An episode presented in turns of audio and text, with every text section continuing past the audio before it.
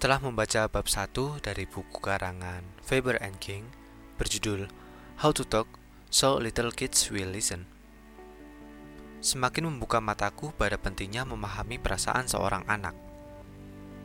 Karena untuk orang dewasa sekalipun, pada dasarnya selalu ingin orang lain tahu akan perasaan kita. Gagasan untuk menerima perasaan orang lain adalah gagasan yang sangat besar dan penting. Faber and King 2020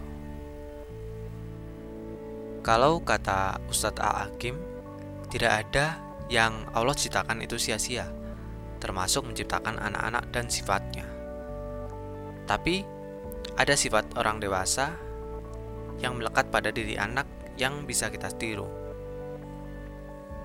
Seperti ternyata seorang anak, keponakan saya berumur 3 tahun memahami diriku yang sedang marah karena suatu peristiwa sepele yang terjadi pada diriku dan keponakanku di mana ketika suatu pagi dia mengajakku untuk bermain.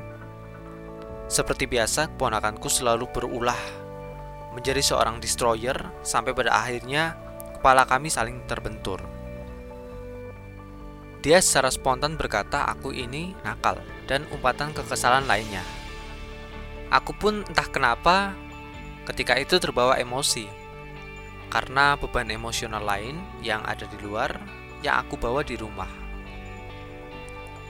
Aku seketika itu pergi masuk ke kamar sambil menenangkan diri. Kemudian beberapa saat, keponakanku duduk di sampingku sambil mungkin mencerna emosionalku. Akhirnya dengan polosnya dia membahas kesalahan kami. Dan kami pun bersama-sama menghitung-hitung kesalahan yang sudah kami buat. Kemudian sikap yang tidak disukai, dan sikap yang perlu diperbaiki bersama. Aku pun berpikir,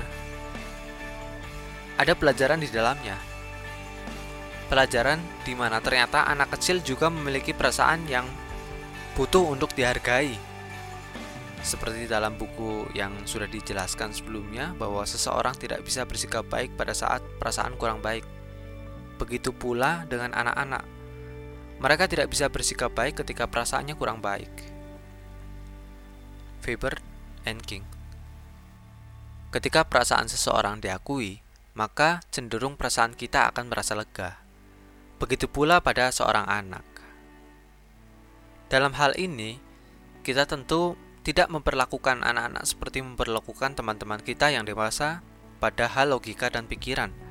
Namun kita perlu memakai cara yang sama dan prinsip yang benar yaitu dengan mengakui perasaan mereka yang sedang terpuruk. Good feelings cannot come in until the bad feelings are let out. Perasaan yang baik tidak akan datang sebelum perasaan yang buruk dibiarkan pergi.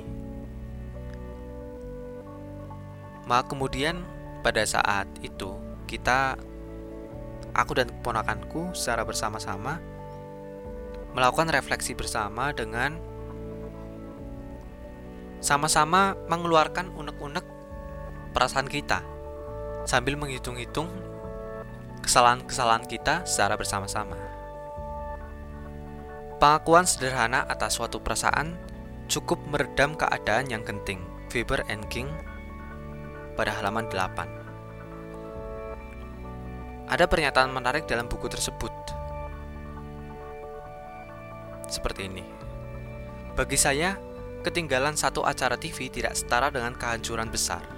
Namun, bagi seorang anak, emosi benar-benar nyata dan begitu penting.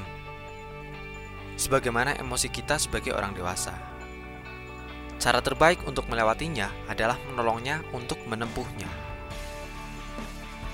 Contoh dalam buku tersebut itu ada di halaman 15 dan 17.